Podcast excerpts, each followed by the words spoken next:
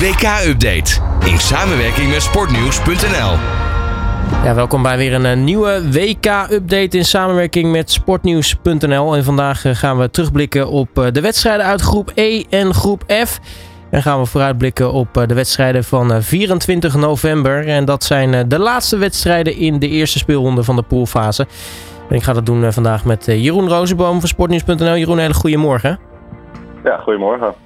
Ja, terugkijkend eh, naar de dag van gisteren eh, begon het met een, eh, een 0-0'tje. Maar in tegenstelling tot andere 0-0'tjes was deze misschien nog wel nou ja, attractief om naar te kijken, Marokko-Kroatië. Nou ja, dat klopt eigenlijk wel. Was, ik vond het wel wel leuk om, uh, om eindelijk eens te zien spelen. En ook dat de Masrohi meedeed. Die raakte uiteindelijk wel gebaseerd. Um, maar ja, het was toch eigenlijk wel verrassend dat Marokko het toch best wel goed deed maakte toch eigenlijk best wel wat uh, aanspraak op de overwinning. En je zag eigenlijk ook wel dat Kroatië, um, toch wel de finalisten van het WK in 2018, dat die het echt totaal nog niet hebben. Nee, ja, Kroatië eh, heeft toch een wat, uh, wat moeten doorselecteren ten opzichte van die lichting waarmee ze vice-wereldkampioen werden in 2018. Um, ehm, ja, dat zag je er ook wel een beetje af, hè? Ja, je zag gewoon dat ze totaal nog niet. Ja, je, inderdaad, ze hebben best wel wat jonge spelers uh, nu erbij. Uh, en je zag dat het verdedigen best wel goed kon bij Kroatië, maar dat het aanvallend nog totaal niet uit het verf kwam. En je moet dan ook zeggen dat uh, ze hebben natuurlijk met Modric een enorme wereldster uh, op het middenveld, maar daar houdt het dan ook wel een beetje bij op eigenlijk. Nou, plus Modric is ook inmiddels al een beetje op leeftijd. Ja, inderdaad. Die kan ook niet meer alles wat hij, laten we zeggen, zes, zeven jaar geleden nog wel kon. Nou, dat was in ieder geval een 0-0. Uh, eh, de tweede wedstrijd, dat was uh, nou ja, samen met toch die verrassing van Saudi-Arabië tegen Argentinië. Eentje om daar in het lijstje erbij te zetten. En dat was Japan tegen Duitsland. En Japan won die wedstrijd verrassend met 2-1. Ja, dat was inderdaad, zoals je zegt, alweer de, de verrassing van de dag. Ik hoop dat we elke dag eigenlijk zo'n zo'n verrassing gaan krijgen. En ja, Duitsland zit eigenlijk nu al enorm in de problemen. Want Um, ja, ze creëerden een hoop kansen. Ze hadden een hoop schoten, ze hadden een hoop balbezit. Maar echt, echt goede kansen. Tot echt goede kansen kwamen ze niet. Ze kwamen zelfs wel met een gelukje. Nou ja, gelukjes kwamen via een penalty op 1-0. En uh, in de tweede helft zette Japan het een beetje tactisch wat om. En uh, toen uh, knalden ze er opeens 2-1 waardoor ze met een overwinning vandoor gingen. En de volgende wedstrijd moet Duitsland tegen Spanje. En ja, nou ja, die wonnen gisteren met 7-0 van Costa Rica. Dus die zijn behoorlijk in vorm. En uh, Japan moet zondag tegen Costa Rica. En als Japan wint van, uh, van Costa Rica, dan kan het zomaar al eens uh, gedaan zijn met Duitsland op het WK. Ja, en dat zou toch wel een verrassing zijn. Maar ja, het, het is wel weer een, een, een, ja, voor de derde keer op rij volgend probleem voor de Duitsers op een eindtoernooi. Ja, en dat is toch best wel verrassend. Want ja, Duitsland is natuurlijk, hoort eigenlijk altijd wel bij de, bij de topfavorieten.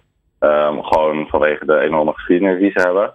Um, maar ik eh, las vanochtend een interview met, uh, met Lothar Matthäus. En uh, hij zei dat, dat hij denkt dat Duitsland um, is afgeleid is geraakt door alle randzaken die rond die wedstrijd speelden. Dus ook met het, uh, het, het verbieden van die One Love armband en het statement wat, wat Duitsland maakte daartegen voor de wedstrijd.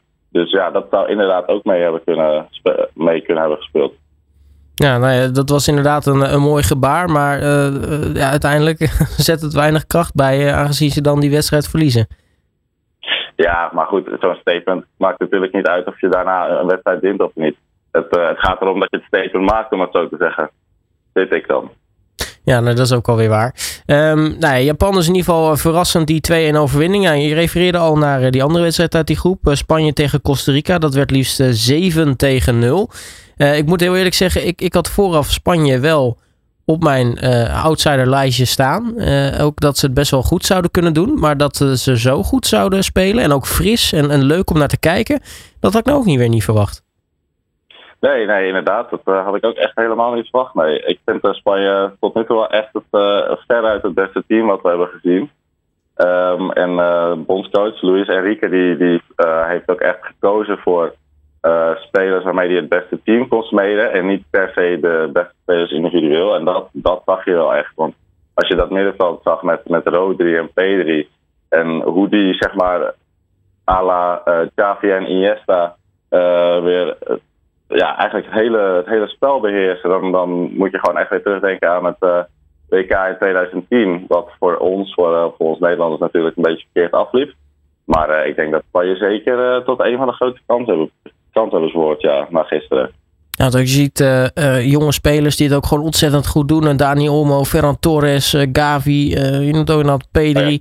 dat zijn toch wel jongens waar je graag, graag naar kijkt. Ja, nee, zeker. zeker. Het, is gewoon een enorm uh, jong en leuk team. En uh, ze spelen fris. En uh, Erike krijgt er zelfs Morata ook weer aan het scoren. Ook iets wat niet altijd lukt. Bij Spanje dan soms wel weer. Maar we kunnen ons vast allemaal de, het EK in 2021 nog wel herinneren. Um, dus ja, nee, het, ik denk echt dat Spanje wel, wel een hele grote kans maakt om, om het WK te winnen. Ja, zeker als ze zo doorgaan. Ja, en dan uh, werden we enorm uh, getrakteerd op fantastisch voetbal. leuke wedstrijden om naar te kijken. En dan sluiten we de avond af met werkelijk waar een draak van een wedstrijd. België tegen Canada. Het werd 1-0 voor België, maar nou ja, erg lekker zag het er ook weer niet uit.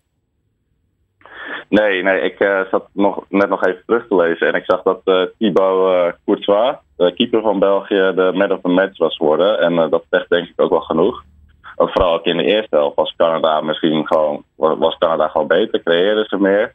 Uh, kreeg ze zelfs nog een penalty die Courtois dan, uh, dan uh, goed tegenhoudt. Dus ja, bij België is het ook nog niet. ze winnen dan wel, maar daar is het ook allemaal nog geen Hosanna, om het zo te zeggen.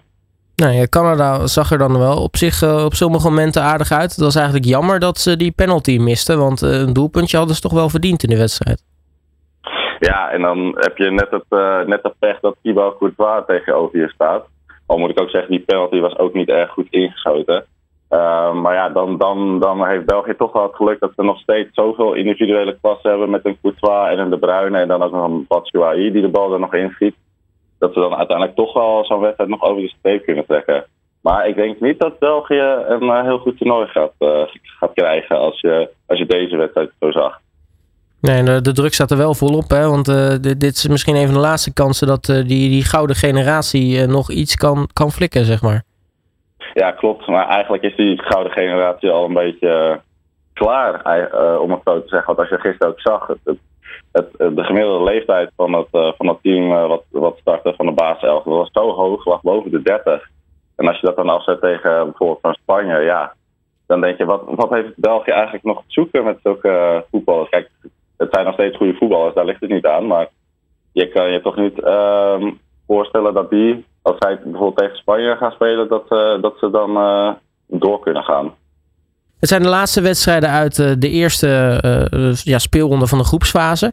Vier stuks dus. Om 11 uur beginnen met Zwitserland-Cameroen. En een wedstrijd waarvan ik persoonlijk zoiets heb, ja, wat, wat, wat kan je ervan verwachten? Ook als ik kijk naar nou ja, in onze eigen pool, die wedstrijd is bijna door iedereen anders voorspeld. Ja, eh, nou ja, dat klopt eigenlijk wel. Nou ja, Zwitserland is toch wel een land dat de laatste jaren best wel, uh, het best wel goed doet gewoon um, in uh, internationale wedstrijden. Dit volgens mij al het vijfde achtereenvolgende WK dat ze erbij zijn. En um, in de voorrondes hebben ze ook Italië uitgeschakeld. Dus ik denk zeker dat Zwitserland um, zitten in een pool met Brazilië en Servië. Nou ja, dat is natuurlijk gewoon best wel een zware pool als je Cameroen er ook nog bij hebt. Ik denk dat we zeker wel kunnen gaan voor die tweede plaats. En ja, ik denk dat Cameroen um, dan toch wel een beetje het kind uh, van de rekening gaat worden in die pool. Ja, dan hebben we om uh, twee uur Uruguay tegen Zuid-Korea. Ook een, uh, een interessante ontmoeting, op zijn minst gezegd.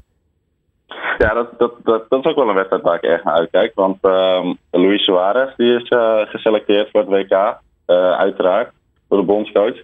Um, hij is nu 35 en hij speelt in de Uruguayaanse competitie. En uh, ja, ik ben eigenlijk wel heel benieuwd of, uh, of Suarez het uh, nog één keertje kan flikken op zo'n eindtoernooi. Want op 2000, in 2010 liet hij het natuurlijk zien. En ja, daar kijk ik eigenlijk wel heel erg naar uit. En dan nemen ze het op tegen natuurlijk de ploeg rondom stops, ja, sterspeler eigenlijk Son. Ja, nou ja, dat is eigenlijk ook wel waar, het gelijk weer een beetje ophoudt bij, bij Zuid-Korea. Ja, het is, uh, ik denk dat ze een beetje vergelijkbaar zijn met Japan, maar dan dat ze wel een echte, een echte sterspeler hebben uh, in de vorm van Heung-min. Maar ik denk niet dat, dat hij eens eentje de kar kan gaan trekken voor, voor Zuid-Korea. Dus ik denk dat, dat, dat dit een overwinning voor Uruguay wordt. Maar goed, zoals we de afgelopen dagen hebben gezien, valt niks te voorspellen tijdens dit WK. Nee, precies. groep H, dat, die andere wedstrijd die is om vijf uur. Portugal tegen Ghana. En ik denk dat iedereen vooral kijkt naar Portugal. Want ja, het grootste nieuws daar is voornamelijk wat er buiten de selectie om gebeurt. Ja, nou inderdaad. Het is weer de grote Cristiano Ronaldo show natuurlijk. Met het nieuws van gisteren dat dat hij en United per direct uit elkaar gaan. Ehm, dus ja, of dat heel bevorderlijk is voor, ehm, voor, uh, voor, voor, Portugal als team en hun kans op de WK, dat vraag ik me af. Want Ronaldo die is toch vooral is nog steeds heel belangrijk voor Portugal. Um, maar die is toch vooral met andere dingen bezig, uh, lijkt het wel. Ja, ook die, die sfeer in de groep, hè, was het af en toe zag je wat beelden voorbij komen waarin ja, de andere spelers toch een beetje Cristiano Ronaldo ja, half leken te negeren wil ik het niet zeggen, maar een, een beetje ja, zwakjes interacteerden met elkaar, zeg maar. Ja, inderdaad. Je zag vorige week of afgelopen week zag je zo'n filmpje van Bruno Fernandes, die, uh, die, die hem amper, uh, een, dat is natuurlijk zijn Portugese teamgenoot bij, bij United, die hem amper een hand wilde geven ja, dat zegt denk ik wel genoeg. Ik heb een beetje het idee dat iedereen er al wel klaar is met Ronaldo daar. Maar goed, als hij er vanmiddag twee inschiet, dan, dan is iedereen dat al lang alweer vergeten natuurlijk. Ja, dan sluiten we vandaag af met de wedstrijd van nou ja, door velen de beoogde wereldkampioen Brazilië. En die nemen de top tegen nou ja, Servië, de, ploeg waar natuurlijk ook een aantal sterren acteren. Ja, nou, inderdaad. Brazilië is wel echt de topfavoriet. Ook zeker bij de, bij de bookmakers. Um, ik ben ook wel echt heel erg benieuwd naar deze wedstrijd. Want ja, het is de laatste wedstrijd van de eerste wedstrijd in de groepsfase. Dus na deze wedstrijd weten we wel hoe elk land ervoor staat. Um, ja, Brazilië heeft natuurlijk gewoon echt, een, echt een fantastische, fantastische selectie met, met Anthony, met Neymar, met Vinicius Junior, met, met Rafinha, met, met Gabriel Jesus. Dus ja, um, ik, uh, ik gun Servië het zeker ook. Met, uh, met en uh, Dusan Tadic van Ajax. Maar ik ben bang dat ze vandaag toch wel een hele, hele lastige wedstrijd krijgen. Ja, dan tot slot de, de, de voorspellingen. Nou hebben we deze week tot nu toe nog niet heel erg veel succes gehad. maar laten we het toch vandaag weer proberen. Wat, wat zijn jouw voorspellingen voor vanmiddag? Ja, voor Zwitserland-Cameroen daar voorspel ik een, een 2-1 overwinning voor Zwitserland. Um, voor Uruguay, Zuid-Korea denk ik uh, 2-0. Uh, twee keer Luis Suarez, gok ik en hoop ik. Uh, Portugal-Ghana zeg ik um, 1-0 door, uh, door Cristiano Ronaldo. En Brazilië-Servië zeg ik 3-1. Nou, we gaan het lichtjes met potlood opschrijven. Laten we hopen dat we er dit keer niet naast zitten ja, vandaag. Ik sta, ik zou niet al te veel uh, waarde hechten aan mijn voorspellingen, want in mijn WK-pool gaat het ook allemaal nog niet heel best. nou, dan weten we dat ook alweer. Hey, Jeroen Rozenboom, dankjewel voor je tijd en natuurlijk ook uh, veel kijkplezier vandaag. Ja, geen probleem. Ook. Alle sporten van binnenuit. All Sport Radio.